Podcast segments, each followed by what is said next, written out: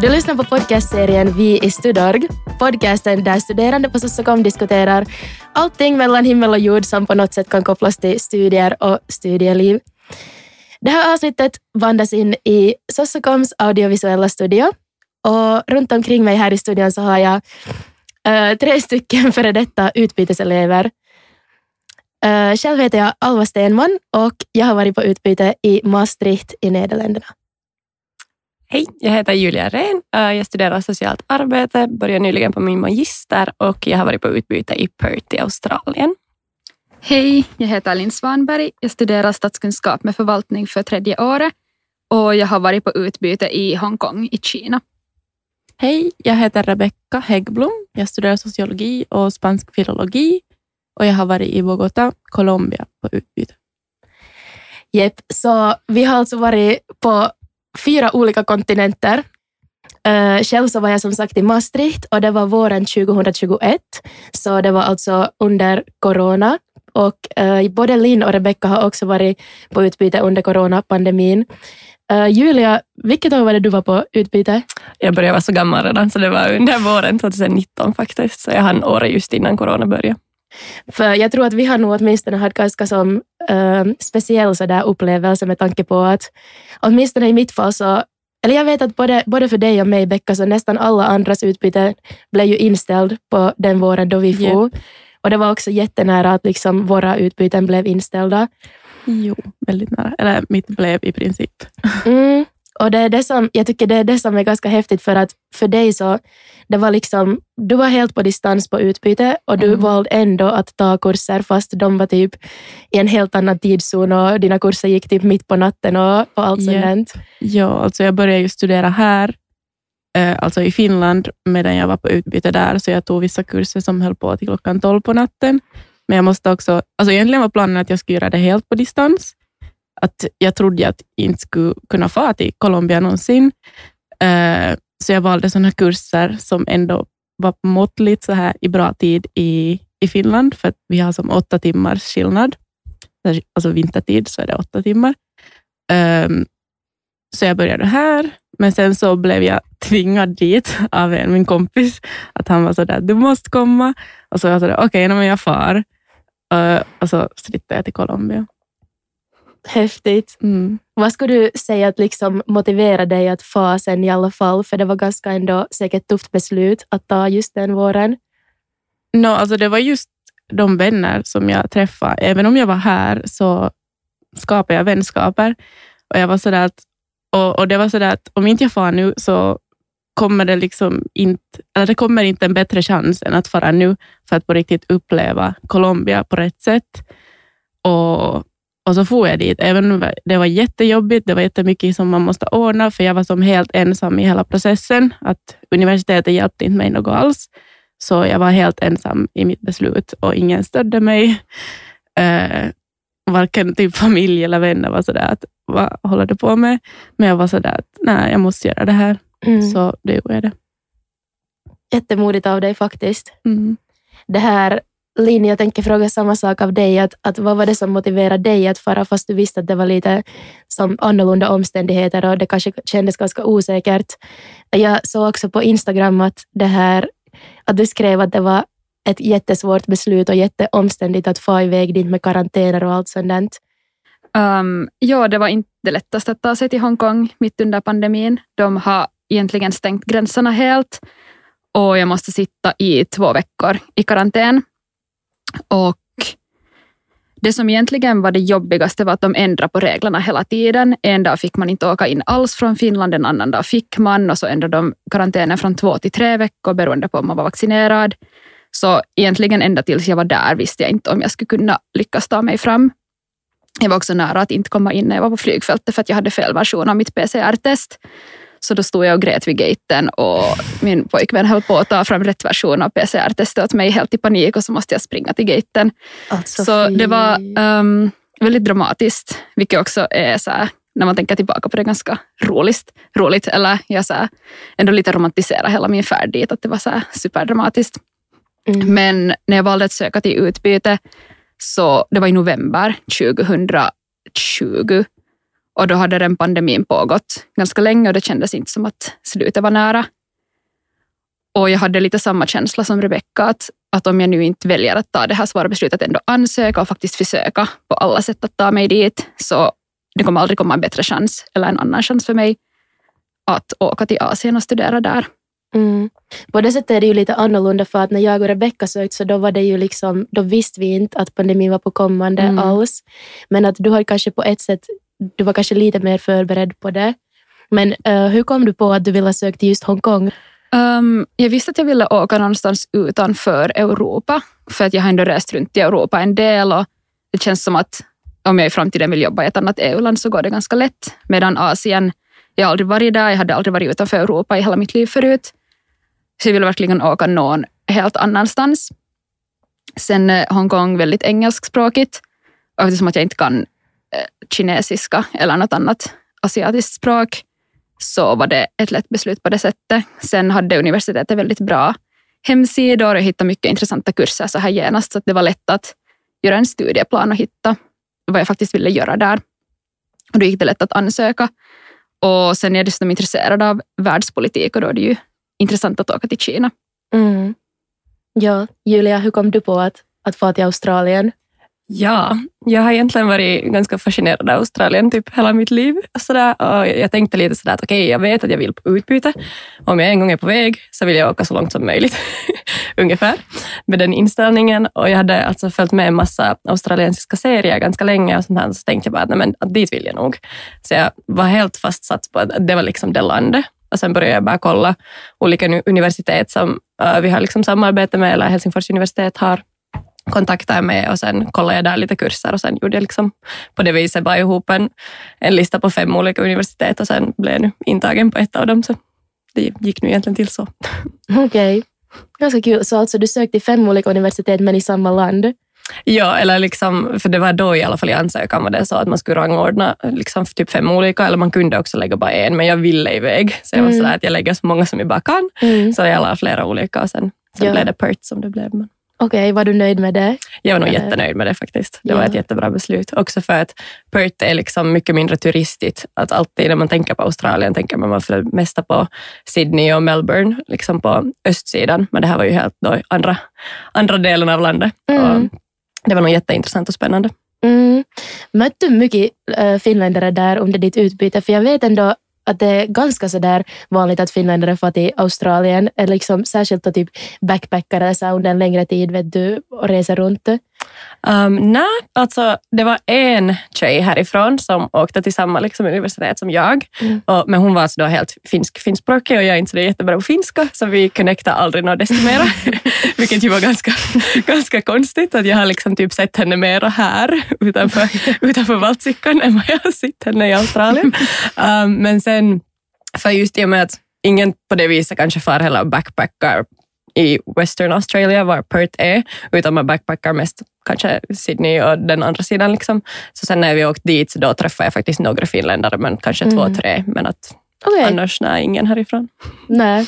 Okej, men det kanske, det är kanske ganska skönt, jag vet inte. Ibland är det jättekul att träffa finländare utomlands, och sen, men det beror helt på var man var. Att typ, jag var under gymnasiet var jag på utbyte i Brasilien och då alltså träffade jag en finländare sådär randomly liksom en gång i en, en jätte, jätteliten stad i nordöstra Brasilien och då var jag nog sådär att oh my god, vet du, you're my best friend, fast det var typ någon jag aldrig hade sett förr. Jag träffade till och med också i Hongkong hemskt mycket finländare. Det var jättemånga på utbyte.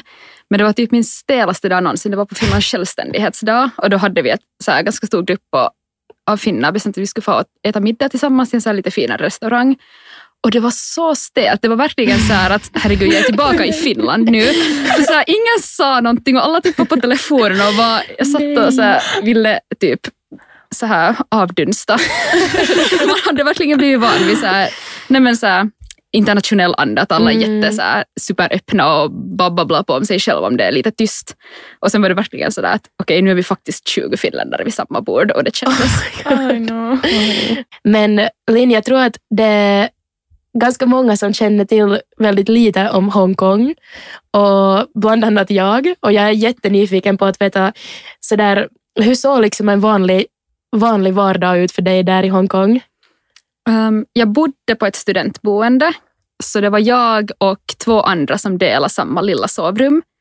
Och i ett annat rum i samma lägenhet var det också tre stycken, så vi var sex tjejer som delade på samma lägenhet. Så en vanlig dag vaknade jag upp, vänta på min tur att gå i duschen och vässa och det kunde ibland ta en stund, så det var inte alltid de bästa morgnarna. Men sen jag hade gjort mig i ordning så hoppade jag på bussen och åkte till universitetet, vilket jag gjorde egentligen varje dag. Jag hade alltid, jag varje dag i veckan, alltså på veckodagarna, hade jag obligatorisk närundervisning. Så jag försökte alltid komma till campus, även om jag hade föreläsningar först på eftermiddagarna till lunch. Så brukar jag träffa en kompis eller två och äta lunch. Så hade jag föreläsning eller tutorial. Och så brukar det ganska ofta bli så att man måste hänga på campus en stund, sitta på bibban och skriva och jobba på skola, helt som i Finland. Och sen när skoldagen var slut så brukar jag och mina kompisar få ut och äta, hänga på stan, ta en öl eller två, gå ut. Alltså inte egentligen jätteannorlunda min vardag i Finland med Mm. tanke på så här vad man gör. Mm. Men det är såklart en jätteannorlunda stad. Mycket, mycket större, mycket mer människor. Mm. Ja, men det där är ganska intressant för att sist och slutligen, fast kulturen kan vara jätteannorlunda och fast omständigheter kan vara jätteannorlunda, så nu ser ju ens vardag ganska lika ut var man än befinner sig. Det här, en, en sån där kulturell skillnad som, som jag känner till bara därför för att jag har sett på din Instagram takeover som jag redan nämnde här tidigare. Så där snackade du lite om det här med censur, att vad man, vad man får och inte får uttrycka. Och jag skulle jag skulle vara jättenyfiken på att veta lite mer om, om vad censur innebär och, och liksom hur det märktes av där i din vardag. Vill du berätta lite Jo, om absolut. Uh, no, censur är ju ett jätte, jättekomplicerat ämne och jag vill nu betona att jag verkligen inte är en expert på det. Um, I Kina har man ju en ganska sorglig historia av att förtrycka och censurera bort saker som händer i landet. Till exempel om ni känner till händelserna på Himmelska fridens torg 1989 där studenter dog efter att ha demonstrerat för, för demokrati har till exempel raderats bort från läroböcker i Kina, inte i Hongkong eftersom att Hongkong är en special administrativ region som har hört till, som har varit en um, engelsk koloni. Uh, Hongkong blev en del av Kina igen 1997. Um, ehm, och den här censuren, det finns väldigt starka säkerhetslagar både i Kina och Hongkong som egentligen beror på att man inte vill att folket ska demonstrera för självständighet. Och egentligen så är det förbjudet att uppmana till så här, ska jag säga det? Ja, alltså man får inte uppmana till handlingar som kan tolkas som att det kritiserar hur landet är uppbyggt eller landets självständighet eller hur, hur samhället ska organiseras. Mm. Mm. Så egentligen man får inte på något sätt uppmana till frihetsdemonstration i Mm. praktiken. Och den här censuren i Hongkong, jag skulle kanske säga ändå att det rör sig ganska, till ganska stor del om självcensur och inte censur per se. Att det var ganska ofta, i alla fall i universitetskontexten, så att om vi diskuterar någonting, är ju ganska mycket kurser i internationella relationer och då kommer ju såklart förhållandet från Kina till resten av omvärlden upp. Mm. Och det var ju ganska ofta så att om någon student tog upp någonting kontroversiellt om Kina till exempel, um, hur de behandlar uigurmuslimer och andra människorättsförtryck, så kunde föreläsaren säga så här att well, as you know, this is a sensitive topic. It's good that you brought it up. Let's move on. Att sådana här små kommentarer som man ju vänjer sig vid ganska snabbt, för det blir nu, man vet att man inte kanske helst ska prata om det här, inte för att det skulle få några stora konsekvenser, men så det är kanske så en kultur att, att det är bättre att vara på den säkra sidan Mm. när man diskuterar. Mm. Så att censuren kanske nog mer handlar om att man, man satt sin egen säkerhet och universitetets säkerhet först. Mm. Även om mitt universitet har så här, akademisk frihet på papper så Mm. visade det sig att det fanns en hel del som man helst inte pratade om. Just det. Uh, Rebecka, du var i Colombia under en tid då det var ganska politiskt osäkert där, som jag har förstått. Ja. Uh, under ditt utbyte så pågick där en nationell strejk mot regeringens skattereform. Och det här uppmärksammades i nyheterna världen över. Och du gjorde en rapport kring de här händelserna som du kallar Från lugna Finland till färgstarka, passionerade och extrema Colombia i Sossokomposten. Mhm. Och där skrev du så här att i centrala Bogotá där jag bodde hördes explosioner i åtminstone en hel vecka. Oroligheterna började varje dag efter klockan fyra och pågick ända in på natten. Den veckan vågade jag ut ur huset endast en gång, då för att gå till närbutiken. Det här, det här låter ju jätteemotionellt. Uh, hur kändes det att befinna sig i Colombia vid den här tidpunkten? Alltså, nu får jag typ lite tårar i ögonen, men ja, alltså det var nog jättetungt. Mm. Och det var just i liksom slutet av kurserna och då hade vi som massa inlämningsuppgifter och sånt här. Och så pågick det en, liksom en massa protester utomhus och människor blev mördade, sexuellt ofredade av poliser och skadade. Människor tappade ögon. Alltså det var som helt brutalt.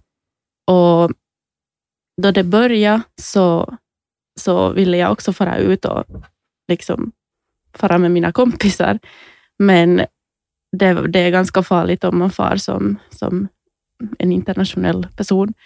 För att det finns en risk att man blir deporterad och polisen kan göra så, så att man försvinner och de kan liksom ta, ja, poliserna kan som ta fast en och liksom på helt oklara beslut, liksom att varför ens, bara för att man är ute och protesterar. Och det var just jätteoroligt i Bogotá, men det pågick inte så länge ändå Mm. att det var värst i Cali, ehm, som är den tredje största staden. Och alltså jag tror det pågår ännu idag att en del liksom protesterar där fortfarande, för att där så blev det flest människor mördade Mm. och människor hittades livlö- livlösa i floden. Och det, liksom, det var helt sjukt där. Mm. Och där var det också, just under Paro Nacional, som det heter på spanska, eh, så var det också jättemycket censur från de här liksom, eh, statliga nyhetssidorna. Mm. Att de berättade inte sanningen, för att de här protesterna var emot regeringen och de flesta liksom mediekommunikationssidorna var liksom statligt ägda, eller just som mig så här stödde statliga politiken Mm. eh, som är väldigt mot högern. Och de här protesterna var ju emot det. Och därför ville de liksom berätta sanningen om vad som hände. Och det enda man kunde se var egentligen på Instagram lives. Och det var inte, det var inte kul att Nej. se det, Nej. utan det var poliser som sköt människor. Mm. Hade du alls förväntat dig att det skulle vara så här? Visste du om att det fanns en sån tradition av eller så, hur brutala protester kan bli? Alltså jag hade faktiskt hört liksom typ någon månad innan att, att studerande brukar protestera där jättemycket om deras så här, hur dyrt det är att studera där och liksom om deras rättigheter att studera, för att alla borde ha rätt att studera. Men det, men det är inte så i Colombia. Och eh, liksom just på en gata, jag bodde jag bodde på 18 gatan och på 19 gatan så blev en studerande mördad och han var bara 19 år för att polisen liksom sköt honom på typ så här fem meters avstånd. Eh, och det var liksom en sån här tårgasbomb, eller vad nu det heter. Så de sköt honom med en sån och man får ju inte skjuta dem på människor. Mm. Eh, men han blev mördad liksom just på gatan bredvid. Och de har liksom lagat namnet, eller de har som namngett den där gatan enligt, som efter honom. Han hette Dylan Cruz. Och ja, alltså då jag hörde det så jag tyckte det var redan helt brutalt. Mm. Och sen en månad efter så började det. Och jag hade nog inte liksom tänkt att det skulle vara så hemskt. Nej. För jag hade inte upplevt någonting sånt liknande. Nej, jag tror att, att det är också kanske svårt för oss att förstå fast du berättar. Och man förstår att det måste vara jättetraumatiskt att vara där under den tiden. Men det ändå trots allt så långt ifrån en, särskilt när man aldrig har varit i Colombia, att det är jättesvårt att ta in allt vad du berättar och därför är det så jättevärdefullt. För du har ändå både skrivit just den här rapporten i Sossokomposten och, och annars också så tycker jag att du är jättemån om att berätta om eller liksom visa alla sidor så där av Colombia när du berättar om landet för att du betonar alltid att, att det är liksom typ ditt favoritställe på jorden och du berättar alltid om hur, hur liksom alla positiva sidor med Colombia Mm. men du berättar också alltid om, om liksom verkligheten och, och hur du har upplevt landet. För att liksom, även om det låter jättebrutalt och så där, liksom, det var flera tiotals personer som blev mördade under Mm. pro- protesterna, men oavsett så finns det så många fina och färgglada sidor just med, med Colombia. Mm. Som till exempel dansen och kulturen är helt underbar. Människorna är som så trevliga och öppna och jag kände mig, mig på riktigt hemma där, Mm. även om jag var som helt på andra sidan världen. Mm. Och, och jag vet inte, det överväger liksom allt, allt det jobbiga. Mm. För det var nog en helt annan verklighet än vad det är här. Att här är det ju så säkert och vi typ lever i en liten bubbla här. Mm. Men där var det inte så. Nej. Jag får den bilden när du berättar av att, att folk har varit jättevälkomnande mot dig där Mm. att, i allmänhet. För att du har också- berättat att du har en kompis, heter han Juancho, Ja. som du alltid pratar om. Och, Mm. och det var väl till och med han som fick dig att åka till Colombia, fast ni Ja. bara hade träffats via typ Zoom. Yep. Så ja, jag har nog fått en, jag har nog fått en jättefin och liksom nyanserad bild efter allt vad du har berättat. Mm. Tycker det, man skulle kunna prata om det här hur länge som helst. Ja, verkligen. Men alltså det är nog mitt, min favoritplats på jorden. Mm. Och det, jag vet inte, det har som så mycket. Och, och det, det finns så mycket liksom mångfald i det där landet. Så där naturen, hur det ser ut där, alla människor, accenterna, jag vet inte.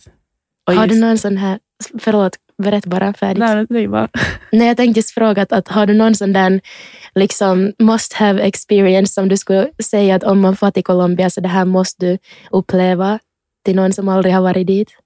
hmm. no, alltså jag skulle säga att om du får till Bogotá, som man oftast gör, så kan man fara upp på Monserrate, som är, eller man ska som gå upp för Monserrate. Det är en kyrka som är uppe på ett berg och det är 3200 meter upp i luften.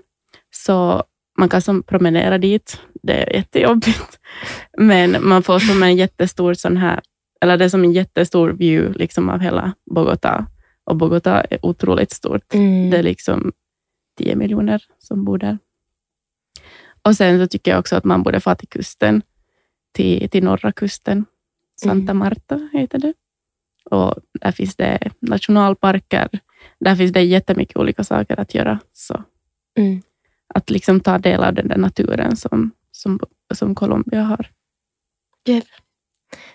Ehm, Julia, jag tror att eh, många som är sugna på att åka på utbyte är ganska rädd för det där just att lära känna nya människor där och att man ska bli ensam när man åker iväg. Och jag tänkte just fråga, när du hade ju lite annan situation som for innan coronapandemin, men hur var det för dig att, att lära känna nya människor i Australien? Var det liksom lätt eller hur upplevde du det? Jag skulle nog säga överlag att det var jättelätt. Um, men jag bodde också på ett internat. Alltså jag, hade, jag hade ett sovrum, sen delade jag badrum och kök med, med fyra andra tjejer. Så där hade jag ju redan liksom människor, fast vi, vi var nu sen inte de som blev de bästa kompisarna. Men där bodde jättemycket utbytesstuderande överlag. Så vi blev ganska snabbt ett liksom gäng i och med att man åt frukost, lunch och middag tillsammans varje dag. Bara så där, utanför evenemang också så satt man alltid med varandra. Um, men överlag så tycker jag att australiensare är alltså helt jätte, jättevälkomnande. De, de är helt ljuvliga, alltså, faktiskt. Um, så nyfiken på var, varifrån man kommer och hur man talar så bra engelska och vad. Och liksom en massa sånt. Att det, var, det var nog, tycker jag, jättelätt. Och det ordnades mycket evenemang, speciellt där på det där universitetet för liksom, för oss utbytesstuderande, så då träffade man jättemånga andra. Och där var jättemånga, fast jag just sa att det inte var så många från Finland, men från Norden var det desto mer. Att det var liksom säkert några 30 svenskar där som hade sitt eget gäng. Det var, det var helt sjukt, men det var nog jättelätt tycker jag att, att lära känna folk. Och Mm. det svåraste tycker jag sen är det att man ska hålla kontakt när man har åkt hem. Ja, det är det som är alltså, så svårt. Det Alltså, tycker jag det är jättesorgligt men det är ju nästan omöjligt att, att upprätthålla Ja. på det viset en jättebra kontakt efteråt. Jag vet exakt hur det där känns. Um, och jag, alltså jag hade lite samma upplevelse för att också i Maastricht, så där på skolan, så fast inte liksom, det var nästan inte några ut, andra utbyteselever eftersom på grund av corona då, men alla liksom som gick på mitt universitet så var ändå från olika delar i Europa och liksom människor, det var jättemycket internationella studeranden. Så att fast det inte var den där utbytescommunityn så var det liksom den där international community så att allihopa var ändå jättesocial och liksom sökte efter kompisar och sådär. Så det var jättelätt, åtminstone för mig och jag kan tänka att lite samma för Linn för du var ju också säkert i ett ganska sådär internationellt kontext. Att, Jo. att man lär känna ganska lätt människor. Jo, det var jätte, jättelätt. Det skapades i början av utbytet en så stor WhatsApp-grupp för typ så här 250 utbytesstudenter. Så nästan varje kväll fanns det någonstans att Mm. fara. Så det var nu efter ungefär två veckor hade de flesta redan hittat sina bästa kompisar. Ja, det är nog bra att det fungerar så där lätt. Men alltså Julia, så den här studiekulturen och, och överlag som evenemangskulturen likadan ut där i Australien eller, eller hur var det på ditt universitet? Ordnades det liksom mycket, mycket fester och mycket andra, andra saker? Uh, nu ordnades det mycket fester, men förstås lite annorlunda än här, att det var ju inga sitsar Nej. som vi är vana med här. Men nog en massa olika så här bar crawls, var man åkte en partybuss liksom, runt i, i stan och for till olika barer till exempel, eller sen bara någon stor, stor fest liksom, på en innergård på själva universitetet. Och det var en helt jätte, jättefint så här campus som var flera kilometer lång med en massa, massa gamla byggnader. Och där mitt ibland de här sen så slog de emellan upp fester och sånt här. Men det, var nog, det fanns liksom av allt möjligt. Att jag var också med i, eller det fanns en sån här klubb som hette PI International som var liksom just menat för, för utbytesstuderande. Och vi hade ett volleybolllag och ett fotbollslag som jag var med i också, så att det var mycket annat också än bara de här festerna. Mm. Men sen var det nog mycket också så att vi bara i ett gäng bestämde oss att nu har vi förfest här på internatet och sen far vi ut. Ja, Så mycket sånt nog med Uber sen iväg susar man till krogen. Men, Jepp. Mm. Inte vad härligt. Det är nog alltid så där nästan att, att de där internaten så blir som typ någon festlokal för att det bor så mycket utbyteselever.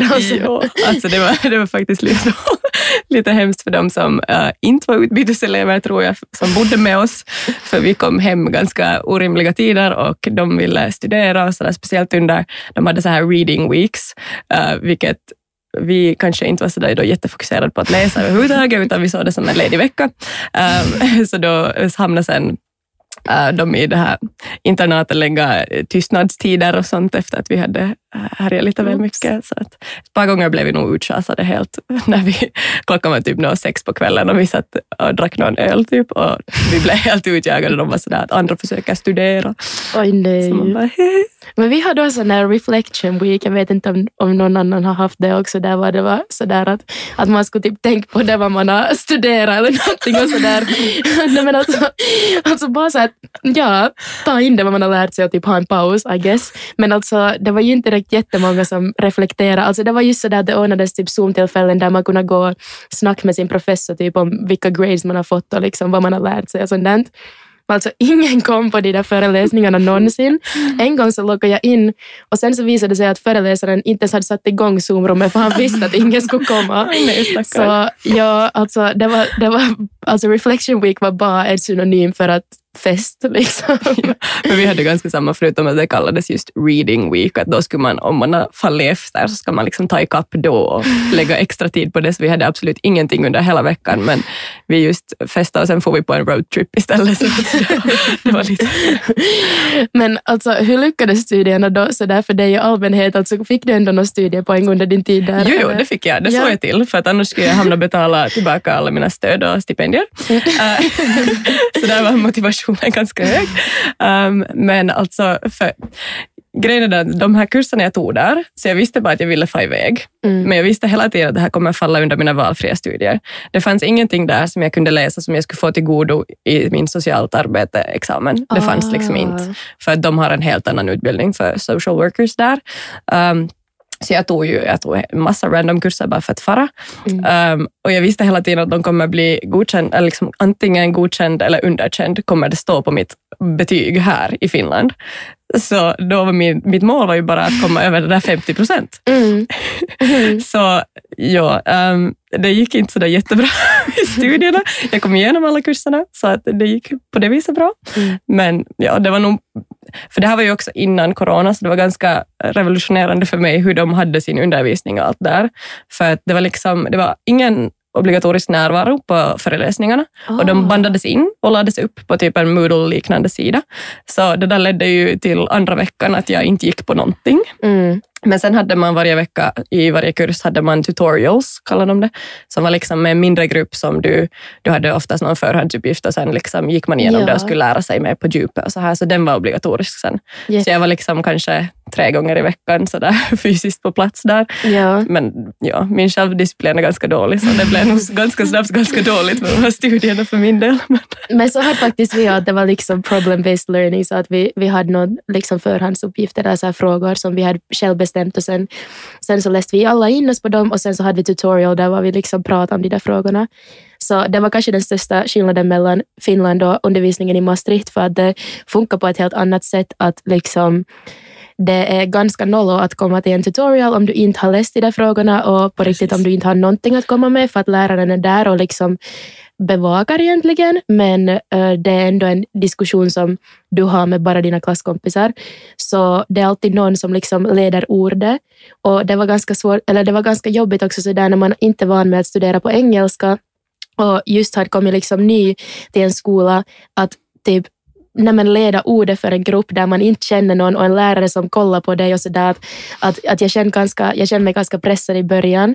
Men sen så mot liksom också så där mitten av mitt utbyte då jag hade märkt att okej, att jag blir liksom godkänd och rejält därtill i alla kurser, så nu kanske jag vågar chilla lite.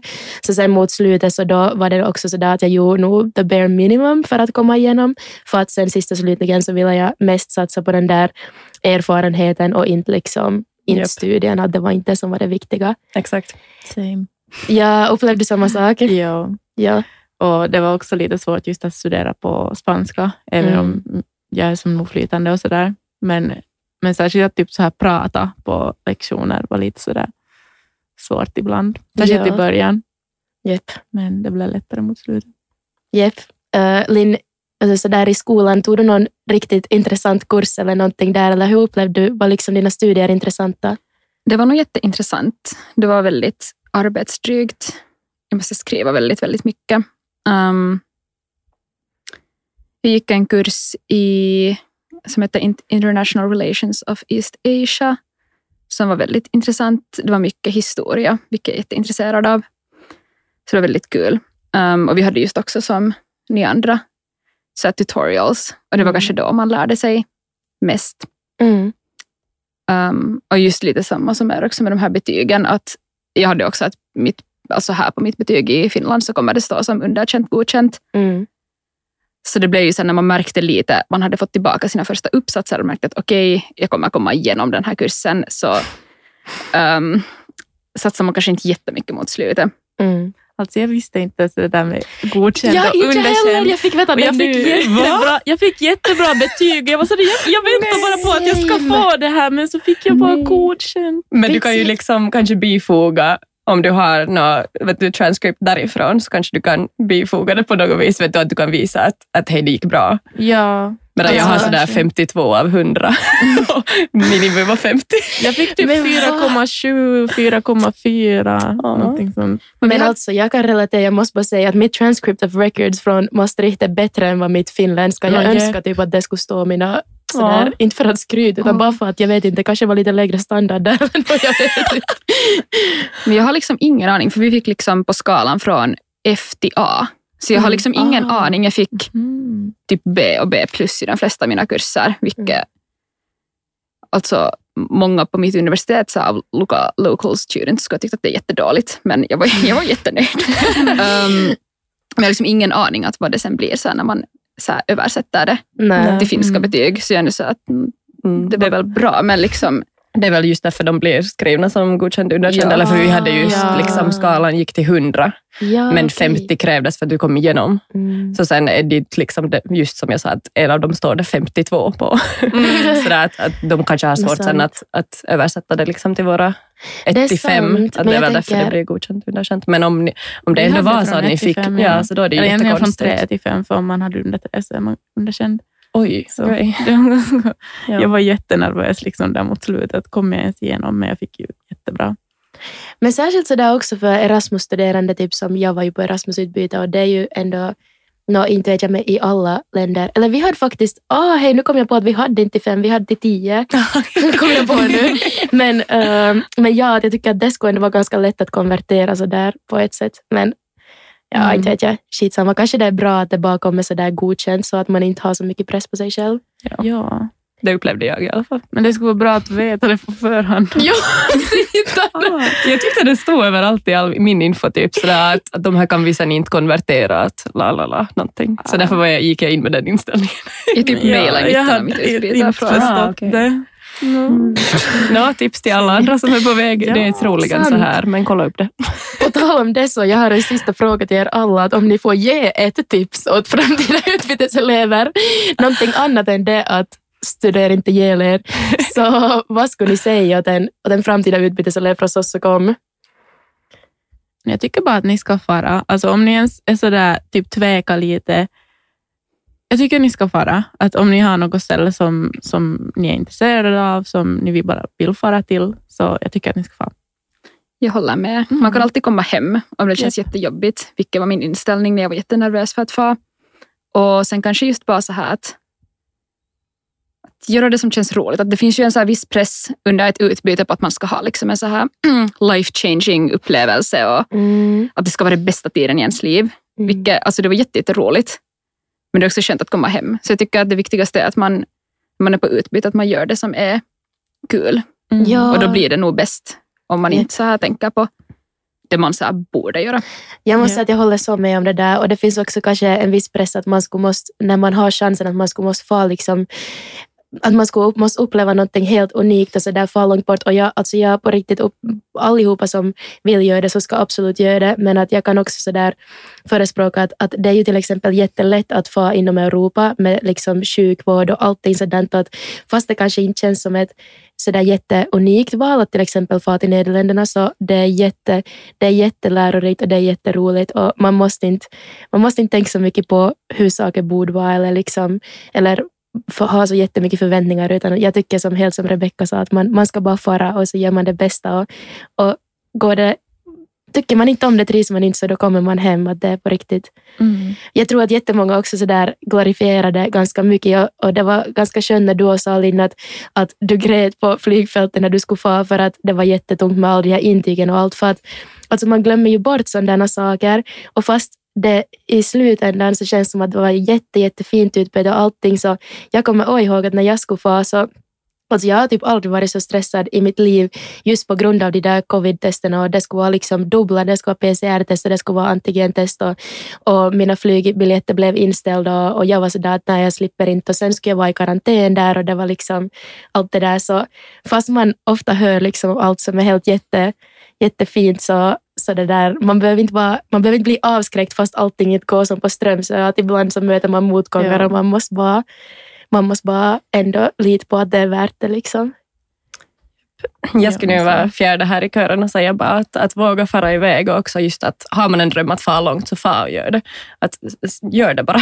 Mm. Det är jätte, kanske tungt i början att fara någonstans ensam och just den här osäkerheten kring att kommer jag nu träffa någon och hur kommer det gå? Men, men största del, i de flesta fallen kommer det säkert gå riktigt bra.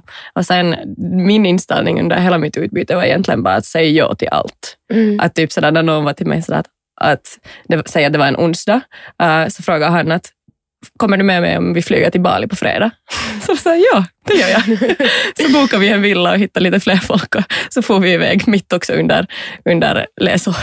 Ja. Eh, Men just sådär att alltid när det var någonting att kommer du med så sa jag bara ja, absolut, absolut. Eh, För att bara samla de här erfarenheterna och, och det, i slutändan tror jag väger mycket mer än att man kanske sen har inte för att jag nu måste, jag ska inte förespråka sånt allt för mycket, men väger mycket mer nog i slutändan. Sen det är ju det man minns. Liksom. Jag minns alla Ja. mina roadtrips jag har varit på, alla mina de här resorna, kanske mer än det där specifika jag lärde mig under en kurs. Fast det är ju jättekiva om man har gjort det också på sidan. Men, Absolut. Tack för att ni berättade om både roliga saker och obekväma saker och allting. Det var jätteinspirerande och jättefint att få höra om era historier. Så tusen tack. Tack. Tack själv.